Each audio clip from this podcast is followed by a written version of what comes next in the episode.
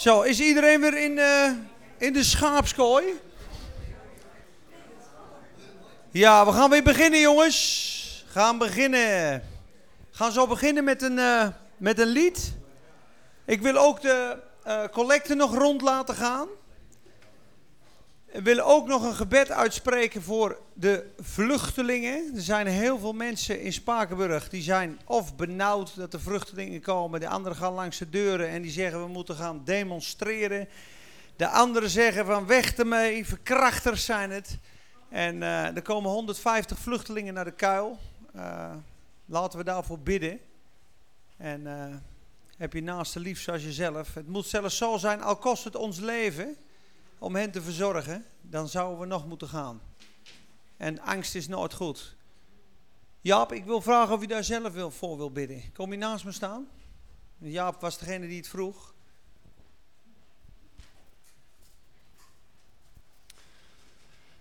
Vader, uh, komen bij u om u uh, zegen te vragen, heren. Heer, zegen over uh, onze gedachten over vluchtelingen. Heer, ik merk dat er heel veel weerstand is. En dat er hele erge dingen gezegd worden. Dat raakt me. En daar word ik heel verdrietig van. Omdat ik weet dat we geen angst hoeven te hebben. Omdat we u kennen, Heer. U bent onze grote God. En, en, en met u aan onze zijde hoeven we helemaal niet bang te zijn, Heer. Heer, ik vraag om zachte harten. Harten van, van, van onze dorpsgenoten die, die zulke dingen schrijven en die zulke dingen roepen.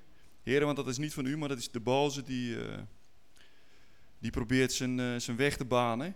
Want hij ziet dat het, dat het hier in het dorp, dat uw geest de vrije loop krijgt. En dat, dat, dat mensen geraakt worden door uw geest en door u. Heer, en dat wil hij op deze manier tegengaan. Heer, ik vraag u om, uh, om, om genezing van die harten.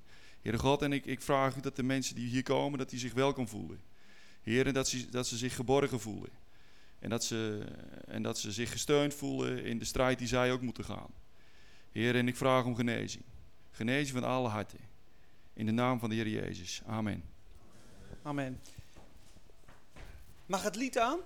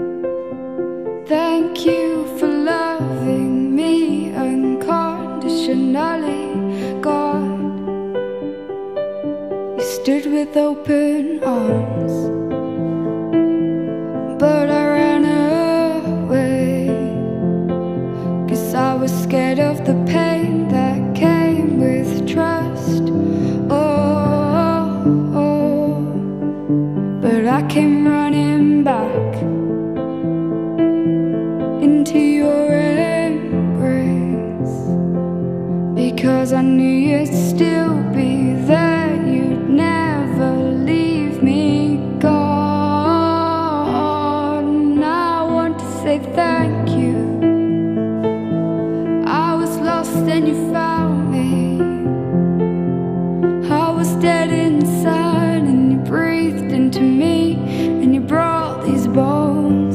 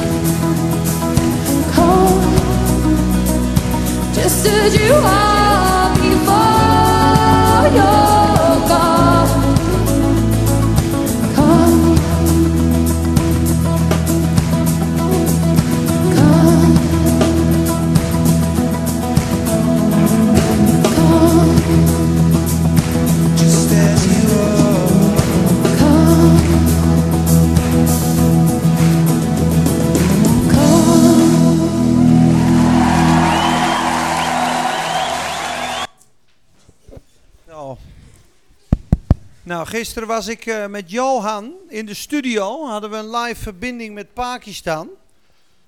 is wel iets rustiger als dat we hier wel eens doen. Maar eh, ik wou een klein stukje laten zien van wat ik eh, soms ook mag doen. En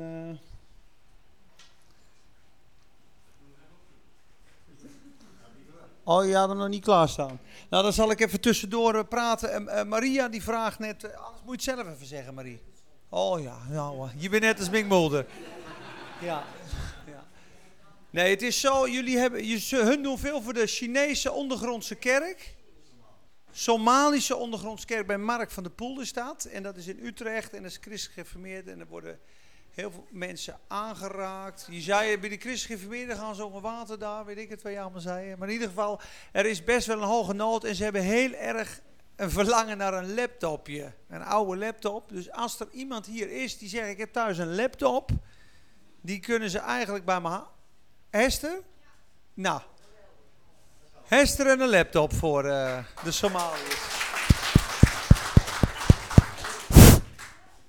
Kan die? Ja, zet hem er maar op. Het is wel leuk. Dan, eh, ze- even een stukje verfrissing tussendoor.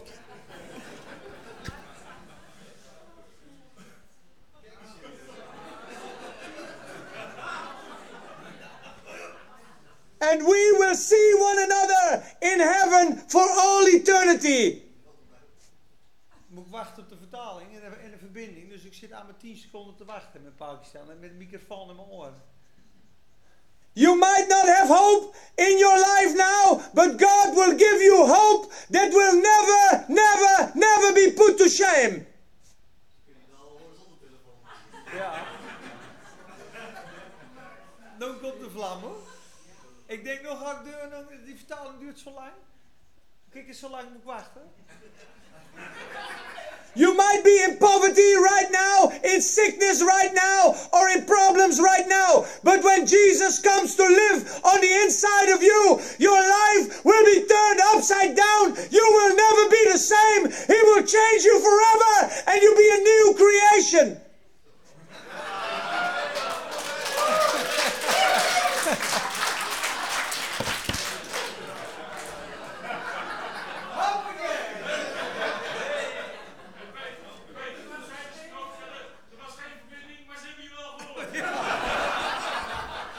En sola gratia was het. eh. Zo, ik durf bijna niet verder te gaan. Nee, het komt helemaal goed, jongens. Ik, eh, ik ben op een hoop voorbereid. En eh, ik heb, je moet nagaan, ik ben al 12 tot 13 jaar onderweg met deze dingen. Ik heb aardig lopen graven. En ik heb ook jaren vastgelopen op die dingen. Vooral op de woorden van Jezus. Hè. Op een gegeven moment zegt Jezus bijvoorbeeld, Matthäus 12, 36. Ehm, ieder ijdel woord wat de mensen spreken, daar zullen ze verantwoording voor afleggen in de dag des oordeels. Vers 37, want bij uw woorden zult gij gerechtvaardigd worden en door uw woorden zult gij veroordeeld worden. Ik denk, nou, hoe kan dat nou? Ik ben toch gered door het bloed van de Heer Jezus. Het is toch genade. Er staat toch in Romeinen 8, voor- die in Christus zijn, die worden niet meer veroordeeld. Wat is dit nou toch? Dan kom je bijvoorbeeld in Jacobus, dan zegt Jacobus zegt, volgens mij is dat hoofdstuk 2 vers 13, ja, wie barmhartigheid gedaan heeft, zal ook een barmhartig oordeel krijgen. Maar wie onbarmhartig was, zal ook een onbarmhartig oordeel krijgen. Er zijn verschillende oordelen. Ik heb dit toen gebeden. Ik zei, Heer, hoe zit dat nou? Want dat is wel heel verwarrend. Wij denken allemaal maar aan één oordeel. We zijn dood of leven, hemel of hel. Op een gegeven moment toen ik dit gebeden had, vroeg ik, hoe zit dat? Want ik las in Ma Matthäus 5, hè, wie tegen zijn Uh, op een gegeven moment zegt hij, Matthäus 5 zijn er drie oordelen. Uh, als er bij een kleine vergrijp, hè, wie, wie ten onrechte boos is op zijn broeder, zal komen voor het, uh, voor, de, voor het kantongerecht. Ik doe maar eventjes in, in een vrije vertaling. Wie tegen zijn broeder zegt leeghoofd, zal voor de Hoge Raad verschijnen. Maar wie tegen zijn broeder zegt rakka, dat is een, een, een uh, uitspraak van verdoemenis. Met andere woorden, je gaan verleuren of je binden niet ja, die zal in gevaar zijn van het gehenna des vuurs. Het zwaarste oordeel. Daar heb ik toen voor gebeden. Ik denk, hoe zit dat nou? Toen kwam de volgende dag een rechtszaak op tv. En er was heel mooi, er waren drie aanklachten. En er was een moeder. De eerste aanklacht was moord. De tweede aanklacht was verkrachting. En de derde aanklacht was valse informatie geven aan de politie. Haar dochter was vermoord en verkracht. En op een of andere manier werd zij zelf verantwoordelijk gehouden. De aanklacht was dus: jij hebt vermoord, jij hebt verkracht samen met nog iemand en je hebt gelogen tegen de politie. Dus toen kwam dat oordeel. In the first charge, in the case of the murder of na, not guilty. Vrijgesproken van de dood, van het eeuwige oordeel. Dat is het oordeel aan het kruis. Van de verkrachting, ja, minder zwaar oordeel, werd zij ook vrijgesproken. Van liegen tegen de politie werd zij niet vrijgesproken. Kreeg ze 30 dagen cel. Daar zag je de drie oordelen. Ja? Wij zijn het oordeel over de dood voor onze zonde, die is geveld op Jezus. Ja? Romeinen 6, vers 7. Wie gestorven is, is rechtens vrij van de zonde. Ja? Wij worden niet meer veroordeeld. Johannes 11 zegt heel duidelijk: wie in mij gelooft, ik ben de opstanding in het leven. Al zal hij sterven, ja, hij zal leven. Want ik ben de opstanding in het leven. Dus dat is één. Nu zijn wij christen. Ja, hoe ga je met je medechristen om? Daar is een oordeel voor. Ja, Jezus zegt namelijk: wie deze geboden van mij hoort en doet zal groot zijn in het koninkrijk. Staat er hè? Maar wie één van mijn geboden, al is het het kleinste gebod, als die van mijn geboden afdoet en ze ook nog eens onderwijst aan anderen, die zal klein geheten worden in het koninkrijk. Dus hier zie je al dat er klein is en dat er groot is. Ja? De broederliefde, laten we maar gaan naar Romeinen 14. Wij zullen straks ja, als christenen kom je bij de oordeelszetel van Christus. En daar hoef je nooit voor te vrezen, want zij die bij de oordeelszetel van Christus komen, zijn absoluut gered. Dat is, het is voor de gelovigen. Dat is een oordeel, een beoordeling over je werken. En daar word je beloond. En in het ergste geval kan je daar getuchtigd worden of je prijs verliezen. Ja, tot schaamte gesteld worden. Dat lees je straks ook. Maar je moet nagaan, als je naar de rechtszaak komt en Jezus zegt straks um, ten, ten voorstellen van de engelen en van de hemel. Kijk eens, in die situatie was je inspirerend. Hier verloochende je mij niet. Hier heb je je buurvrouw geholpen. Hier heb je dit, hier heb je dat, hier heb je dat. Er zal heel veel loon zijn, er zal heel veel beloning ook zijn. Maar er zijn ook mensen, ik noem maar een Demas, of ik noem maar iemand die ruzie heeft met zijn familie en je, je, je verzoent niet, je blijft in de bitterheid, je blijft in de onvergeving, ja, dan komt er in die dag komt dat boven. Als christen. En dan zal God het allemaal in het licht brengen. En zal die dat verzoening, zal die bewerkstelligen. Alleen dan krijg je natuurlijk geen zegen en geen kroon voor die vergeving, want die heb je op aarde niet bewerkstelligd. Nou, daar gaat Romeinen 14 over. Dus hoe ga je met je broeder om als christen? Dat wordt beoordeeld. Kwets je je broeder, doe je schade aan het lichaam. En ik begin in vers 10. U echter, wat oordeelt u uw broeder? Of ook u, wat minacht u, uw broeder? Wij zullen toch allen voor de rechte stoel van Christus gesteld worden. Want er staat geschreven, zo waar als ik leef, zegt de Heer, voor mij zal elke knie zich buigen en elke tong zal God beleiden. Zo zal dan nu ieder van ons voor zichzelf rekenschap geven aan God. Laten wij dan niet langer elkaar oordelen, maar oordeel liever dit: de broeder geen aanstoot of oorzaak tot struikelen te geven. Dat is één. Nou ga ik naar 2 Korinthe 5. Twee, twee boekjes verder. Ik denk een blaadje of 30, 40 verder.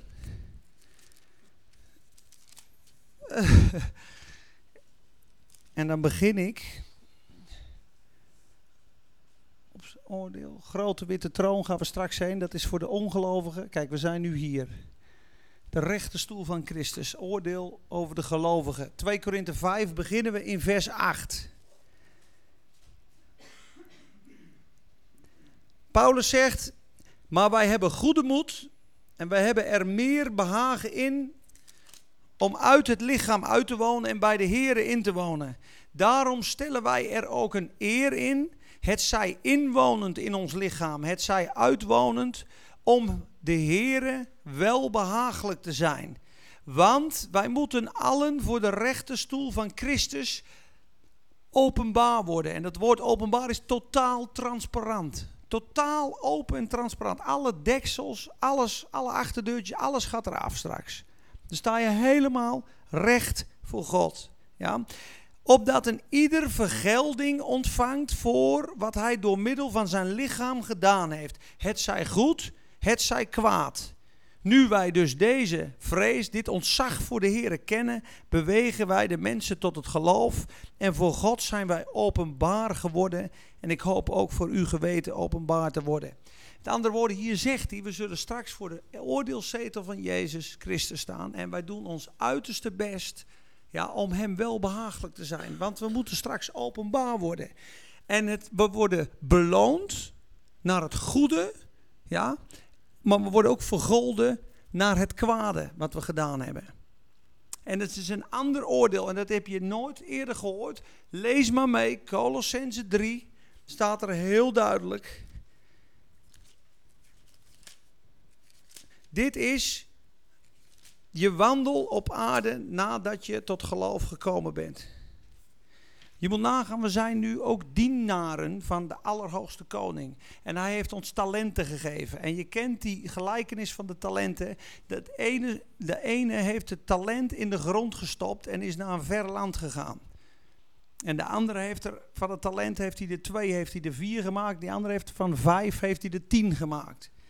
Nou, hier zie je, vers 24.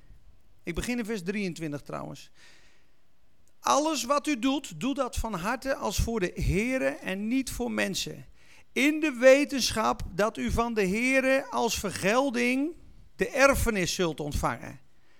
Je gaat me toch niet vertellen dat de Colossensebrief geschreven is aan een ongelovige en dat hij door zijn goede werken een vergelding en een erfenis ontvangt.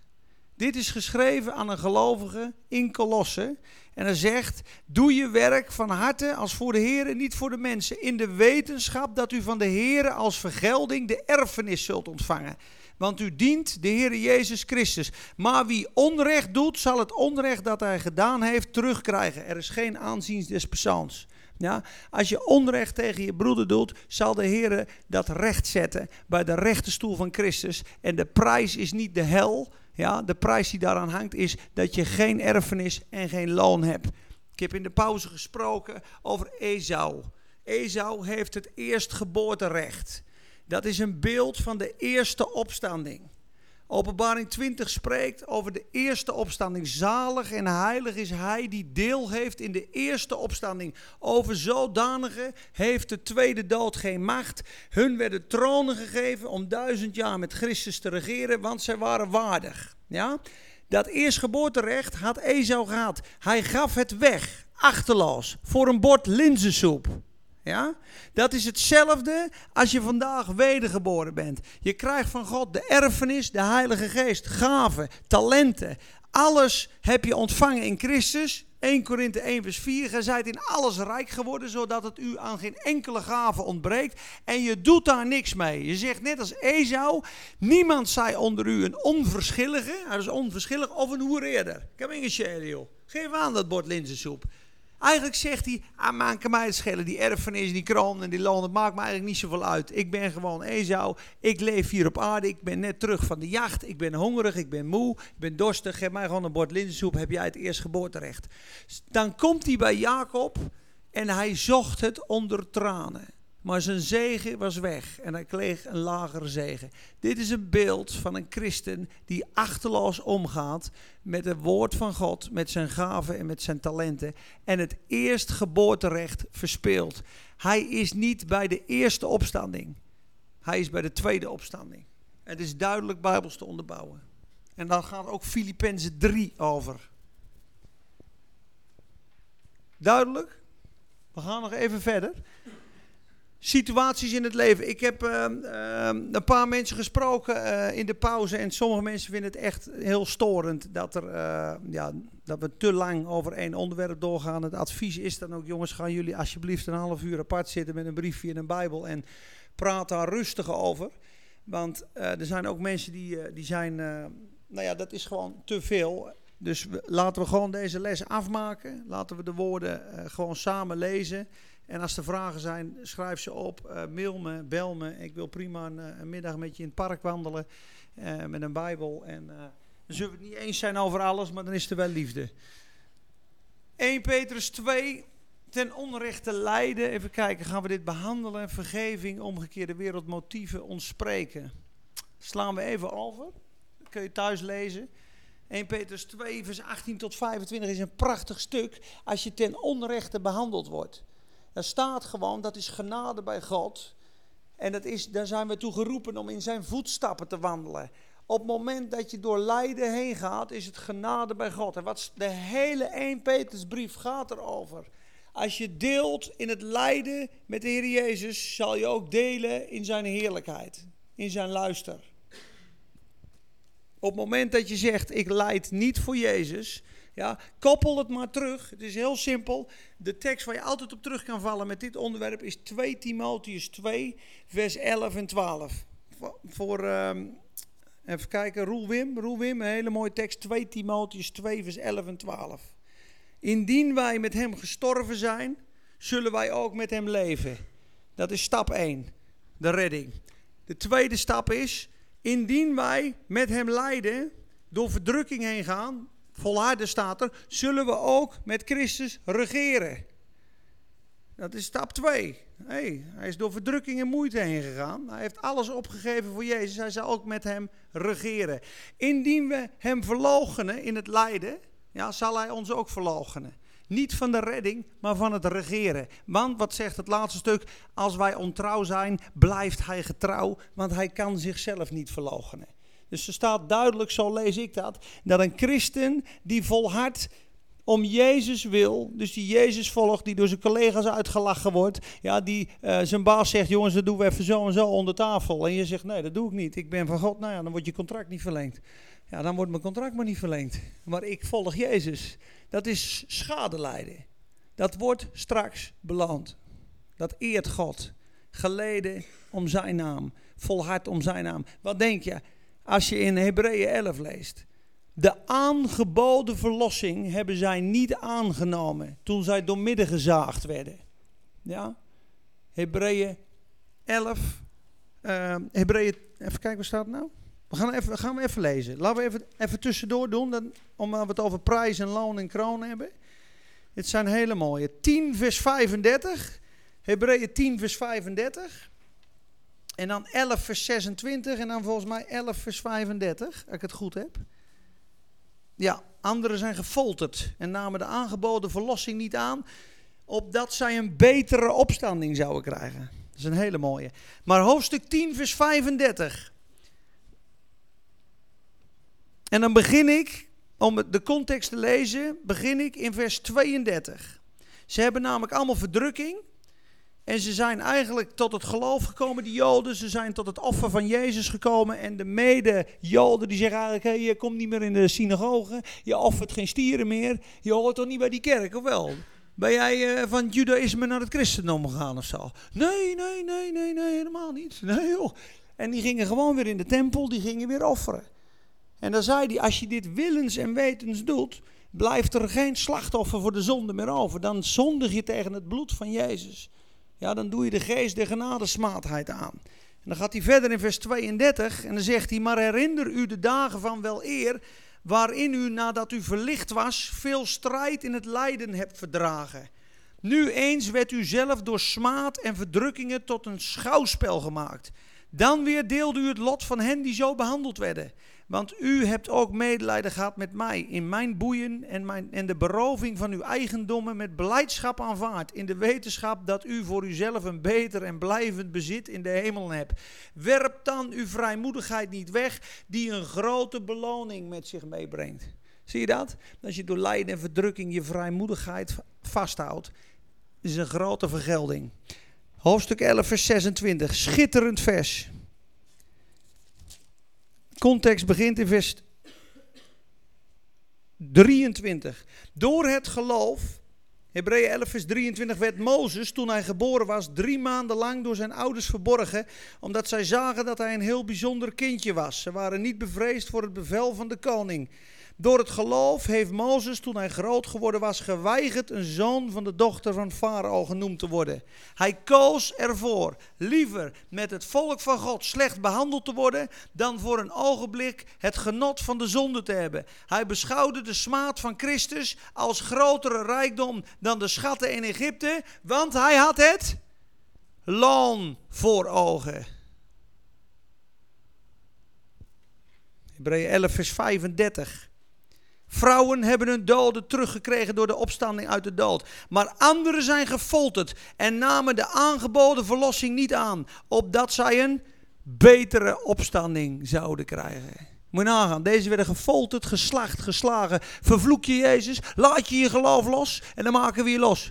Nee, ga maar door met folteren. Er zijn zelfs verhalen van mensen die op een stok gebonden zijn, die ze boven het vuur gedraaid hebben. Als een, als een, als een, een stick boven de barbecue. En die man had zo'n geloof, die voelde het vuur niet. Toen zei hij, draai me maar om, want ik ben nog niet gaar.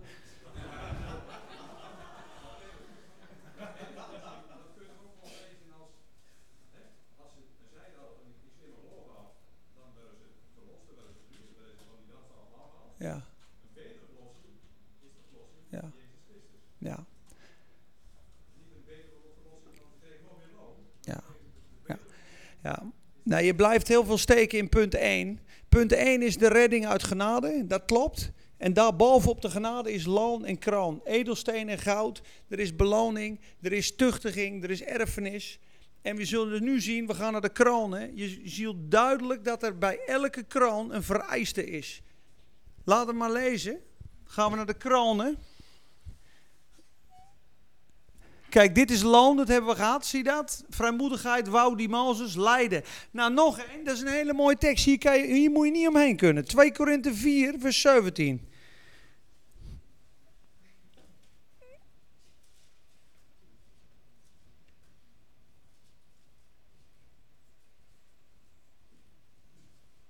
Een aardse tent en een huis in de hemel. Daarom verliezen wij de moed niet. Vers 16. Integendeel, ook al vergaat onze uiterlijke mens, toch wordt de innerlijke mens van dag tot dag vernieuwd. Want onze lichte verdrukking, die van korte duur is, brengt in ons een alles overtreffend eeuwig gewicht van heerlijkheid teweeg. Hier zie je weer, verdrukking brengt heerlijkheid.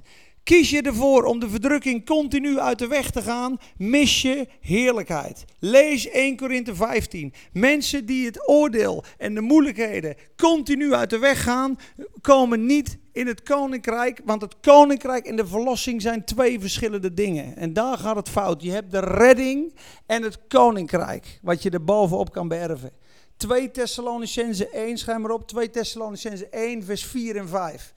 Ik prijs u, broeders, uw geloof groeit zeer. in de Heer Jezus. Dat wij zelfs roemen in de andere gemeenten. We hebben gehoord van uw verdrukkingen, uw vervolgingen, uw lijden die gij doormaakt. Dit is een bewijs van Gods rechtvaardig oordeel, opdat u waardig geacht wordt voor het koninkrijk van God. Handelingen 14, 22. Zij vermaanden hen bij het geloof te bl- blijven. Net tot geloof komen. En dat wij door vele verdrukkingen in moeten gaan in het koninkrijk van God. Zie je dat het koningschap van God, dat Saul verpest heeft. Ja, Saul is zijn koningschap verloren door ongehoorzaamheid. David heeft het beërfd. Dat wij allen geroepen zijn om als koningen te heersen. Maar dat het protocol van het koningshuis is dat wij opgroeien en volwassen worden tot zonen van God. En dat we dat aan onze laars kunnen lappen of dat we trouw zijn tot in de dood. En straks zullen we regeren of niet regeren. En dat is de prijs bovenop de verlossing. Mijns inziens lees ik in de Bijbel. Een koningschap ligt voor ons klaar, een erfenis. En die kan je verspelen door deze wereld lief te hebben. En dat lees ik nu continu bij de kronen ook, bij de volgende. Ik heb er ching ching bij gezet, zie je dat? Lees maar met me mee. 2 Timotheus 4, dit is trouwens het laatste, de laatste sheet, dus we hebben het toch nog heel knap gedaan. 2 Timotheus 4. Dat is net al langers geweest. We gaan alle kronen lezen. En dan moet je kunnen concluderen dat dit aan christenen gesproken wordt. Die iets meemaken, die daar trouw in zijn en die daardoor beloond worden. Ik begin weer in vers 6. Paulus voorziet zijn heengaan, staat erboven. Hij weet dat hij gaat sterven. Ik word immers reeds als een plengoffer uitgegoten. Het tijdstip van mijn heengaan is aangaande. Ik heb de goede strijd gestreden. Ik heb de loop tot het einde gebracht. Ik heb het geloof behouden. Verder is voor mij weggelegd de krans van de rechtvaardigheid die de Heere, de rechtvaardige rechter, dus niet de barmhartige redder, nee de rechtvaardige rechter, mij op die dag geven zal. En niet alleen mij, maar ook allen die zijn verschijning hebben liefgehad. Ja, hier zou je nog kunnen zeggen dat telt voor iedereen. Oké, we lezen verder. Ja, oké, ja, oké. Ja, precies. En zijn verschijningen. Dus die uitzien naar zijn komst als een wijze maagd en niet als een dwaze maagd slapen. Dan gaan we naar Jacobus. Jacobus 1. En daar zie je trouwens ook weer de redding van de ziel. Hè? In vers 21. Leg daarom af alle vuilheid en elke uitwas van slechtheid. En ontvang met zachtmoedigheid het in u geplante woord. Dat uw zielen zalig kan maken. Dit spreekt hij weer tegen christenen die gered zijn. En hun ziel moet gered worden door het ontvangen van het woord. Dat is deel 2 weer. Nu kom ik in vers 12. Zalig is de man die verzoeking verdraagt. Want als hij beproefd gebleken is, dus hij heeft de verzoeking doorstaan, zal hij de kroon van het leven ontvangen die de Heere beloofd heeft aan hen die hem liefhebben. Dus deze mensen hebben de Heer zo lief. Als de verzoeking komt, ja, ze slaan er niet op los. Ze gaan niet voor eigen rechten spelen. Ze geven het oordeel aan Jezus. Die als hij gescholden werd niet dreigde. Die als hij leed niet dreigde. Niet, als hij gescholden werd niet terugschold. Maar alles overgaf aan hem die rechtvaardig oordeelt. Op het moment dat je onterecht behandeld wordt, je gaat er niet op in. Je zegt, Heer, u lost het op. Ik heb geen recht van spreken. Ik ben niks krijg je van God de kroon van het leven. Zo lees ik het. Nee, dit is, dit is het eeuwige leven heb je en je krijgt een extra kroon van het leven op je. Daar bovenop. Ja. Ja, dat is fout vertaald. Want deze is. Kijk, wat er staat er zo duidelijk. Zalig is de man die verzoeking verdraagt. Dat is niet iedereen. Die, als hij beproefd gebleken is. Met andere woorden, hij is door de proef heen gegaan. Hij is beproefd geweest.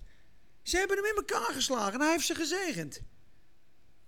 Hij is gemarteld en hij heeft gebeden voor degene die hem martelde. Dat is beproefd geworden. Die straks in de opstanding zegt de Heer, man, het kruis is zo door jou heen gegaan. Je hebt je vijanden tot het einde lief gehad. Je had ze zo kunnen vervloeken, maar je hebt het niet gedaan.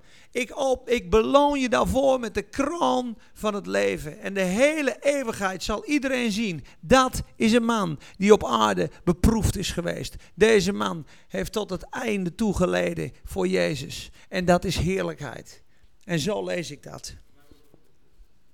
Ja, maar je kan toch ook de beproeving aan je laars lappen? Je kan toch ook boos worden? Dan krijg je toch geen beloning? Ja, maar niet alle geloven gaan toch door de beproeving heen? Jawel.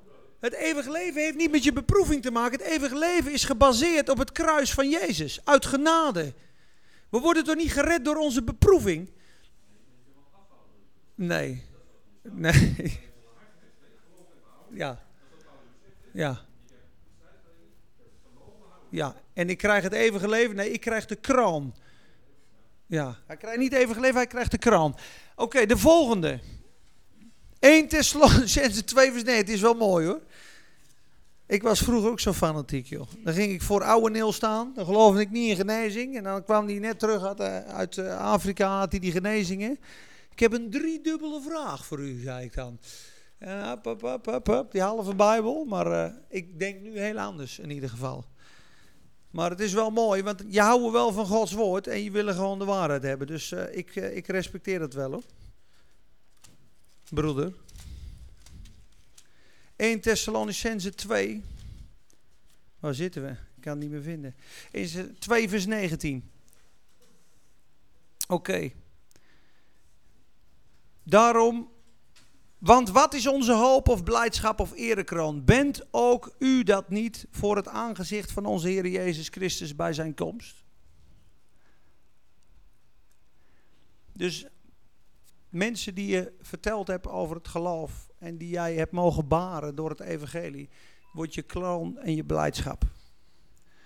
Ik wil nog even teruggaan naar openbaringen 3 vers 11 en 2 vers 10 om af te sluiten. Want hier, da, daar lees je het allerduidelijkst. En dan zie je ook de grote verdrukking. Daar gaan heel veel mensen doorheen. Daar gaan ook een aantal niet doorheen. En dat kan je super duidelijk lezen, vind ik, in vers 10. Hij schrijft aan de gemeente van Sardis. Sardis staat voor de. Niet boos worden, voor de protestanten.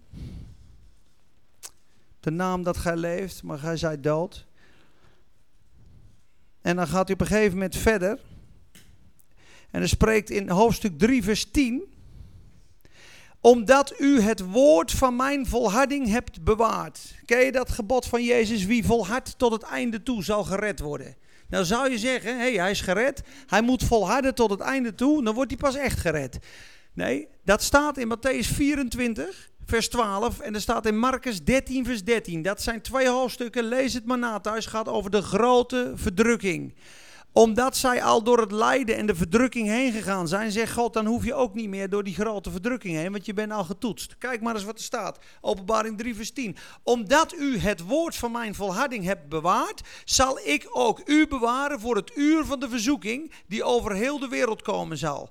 Om hen die op de aarde te wonen te verzoeken. Dus straks komt de grote verdrukking. En degenen die nog nooit verzocht en beproefd geweest zijn, die gaan door de verdrukking heen en worden rijp gemaakt door de verdrukking en de ellende. Dan leer je bidden. Nood leert bidden. De Bijbel spreekt over de eerstelingen en de rest van de oogst. Mijn openbaring mijn overtuiging, moet ik zeggen, niet mijn openbaring, mijn overtuiging is duidelijk. Je hebt waakzame christenen die uit dit uur verlost worden, omdat ze door de verdrukking heen gegaan zijn. Slapende christenen die wedergeboren zijn, maar het niet meer zo nauw nemen met de Heer. Dan zegt de Heer, blijf nog maar even. Dan zul je zien hoe de wereld in elkaar zit. Dan breng ik je aan het einde van jezelf in die verdrukking. En dan in de verdrukking komen ze op hun knieën dichter bij Jezus en zullen ze uiteindelijk aan het eind van de verdrukking gehaald worden. Ja. Dat is de uur, uur der verdrukking die over de hele aarde komen, zoals de grote verdrukking. De grote verdrukking. En dat ze zeggen dat ongeveer dat zeven jaar duurt, maar hebben ze geen bewijs voor, omdat er staat 42 maanden. En dan uh, nog een keer, dat is dus 3,5 jaar. En dan een tijd, tijden en een halve tijd. En dan op, die, op het middelste, middelste punt daarvan, en een jaar, week, zeven jaar, spreken ze van vrede. En zal op een gegeven moment de antichrist komen. En die gaat in de tempel zitten in Israël en die zegt, ik ben de Messias. En de Joden zullen dat geloven. Dat is 2 Thessalonicense 2. Lees maar na thuis. Maar 11, Dus openbaring 3 vers 10 heb ik gelezen. Dan ga ik naar vers 11. Dan zegt hij heel duidelijk. Dit is weer tegen een gelovige. Zie, ik kom spoedig. Houd vast wat u hebt. Opdat niemand het eeuwige leven van u neemt. Nou, dat staat er niet. Opdat niemand uw kroon neemt. En de laatste van vanavond sluiten we af. Hoofdstuk 2 vers 10. Oh, die is heftig. Je hebt zeven gemeenten in openbaring. Twee hebben geen bekering van nodig.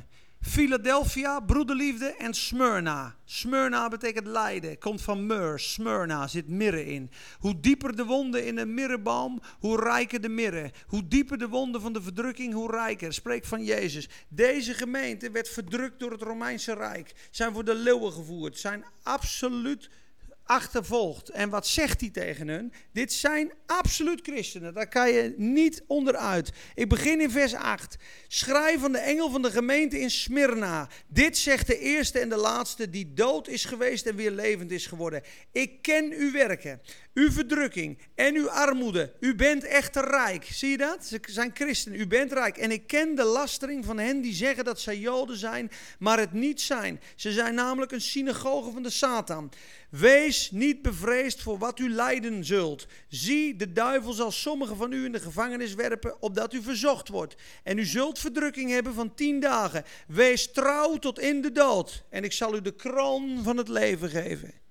Ja, dus je moet nagaan, als deze man niet trouw was tot in de dood, zou hij de kroon van het leven niet krijgen. Maar hij zou niet verloren gaan. Want er staat heel duidelijk achter, wie oren heeft, laat horen wat de geest tegen de gemeente zegt. Wie overwint, wie dus trouw blijft tot in de dood, zal zeker geen schade toegebracht worden door de tweede dood. Er staat niet, hij wordt geworpen in de poel des vuurs. Nee, hij zal schade ondervinden van de tweede dood. Er staat in openbaring 20 ook, dat is die 1 Korinthe 3, hij zal schade lijden aan zijn ziel, maar hij zelf wordt gered. Maar ik zeg u, het zal zijn als door vuur heen.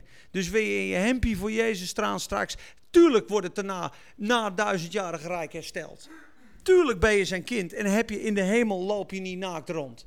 Krijg je een wit gewaad. Maar de glans en de heerlijkheid en de kroon en de krans zal de hele eeuwigheid bepalen.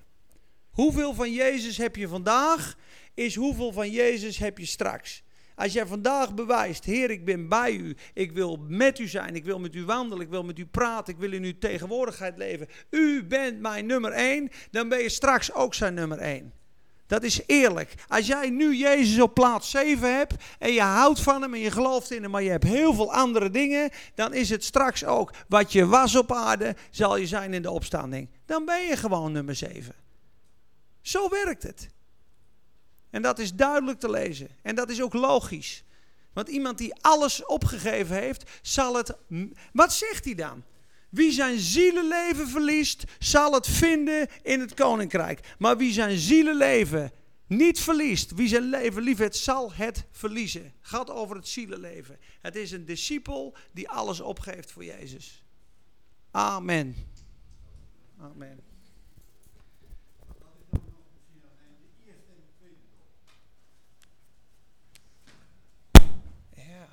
Een moeilijke vraag.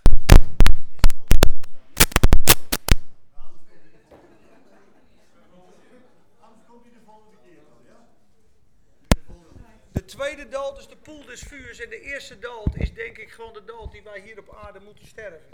Omdat het staat, het is gezet de mensen eenmaal te sterven en daarna het oordeel. En Henk de Voege zegt dat. Dat vind ik wel mooi. Ik ben niet alles met hem eens. Heel veel niet trouwens. Maar hij zegt altijd: we moeten één keer sterven.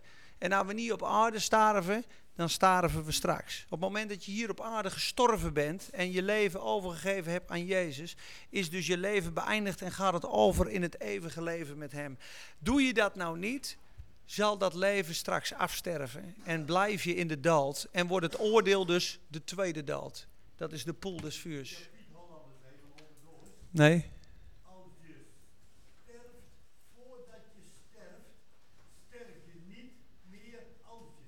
Amen. Nou, dat is wat ik zei.